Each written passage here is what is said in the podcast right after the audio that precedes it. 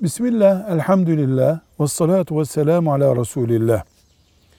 Fakirlik ve o düzeyde bir hayat bizim için neden manevi sorunlar oluşturuyor?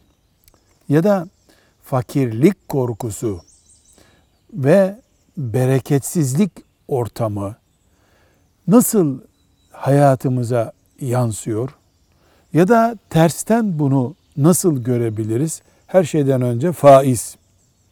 Faiz yaygınlaştıkça ve faize en büyük haramlardan biri diye bakılmadıkça, iki, şeriatsız bir Müslümanlık yaşanıyor olduğu sürece, üç, ibadetlerde ihmal normal karşılandığı sürece, dört, mazlumların ahı önemsenmediği sürece, beş, dünyevileşme hayat tarzı haline getirildiği sürece ortada fakirlik bizi yiyip bitiriyor, bereketsizlik hayatımızın vazgeçilmezi gibi duruyor diyeceğimiz bir afet vardır.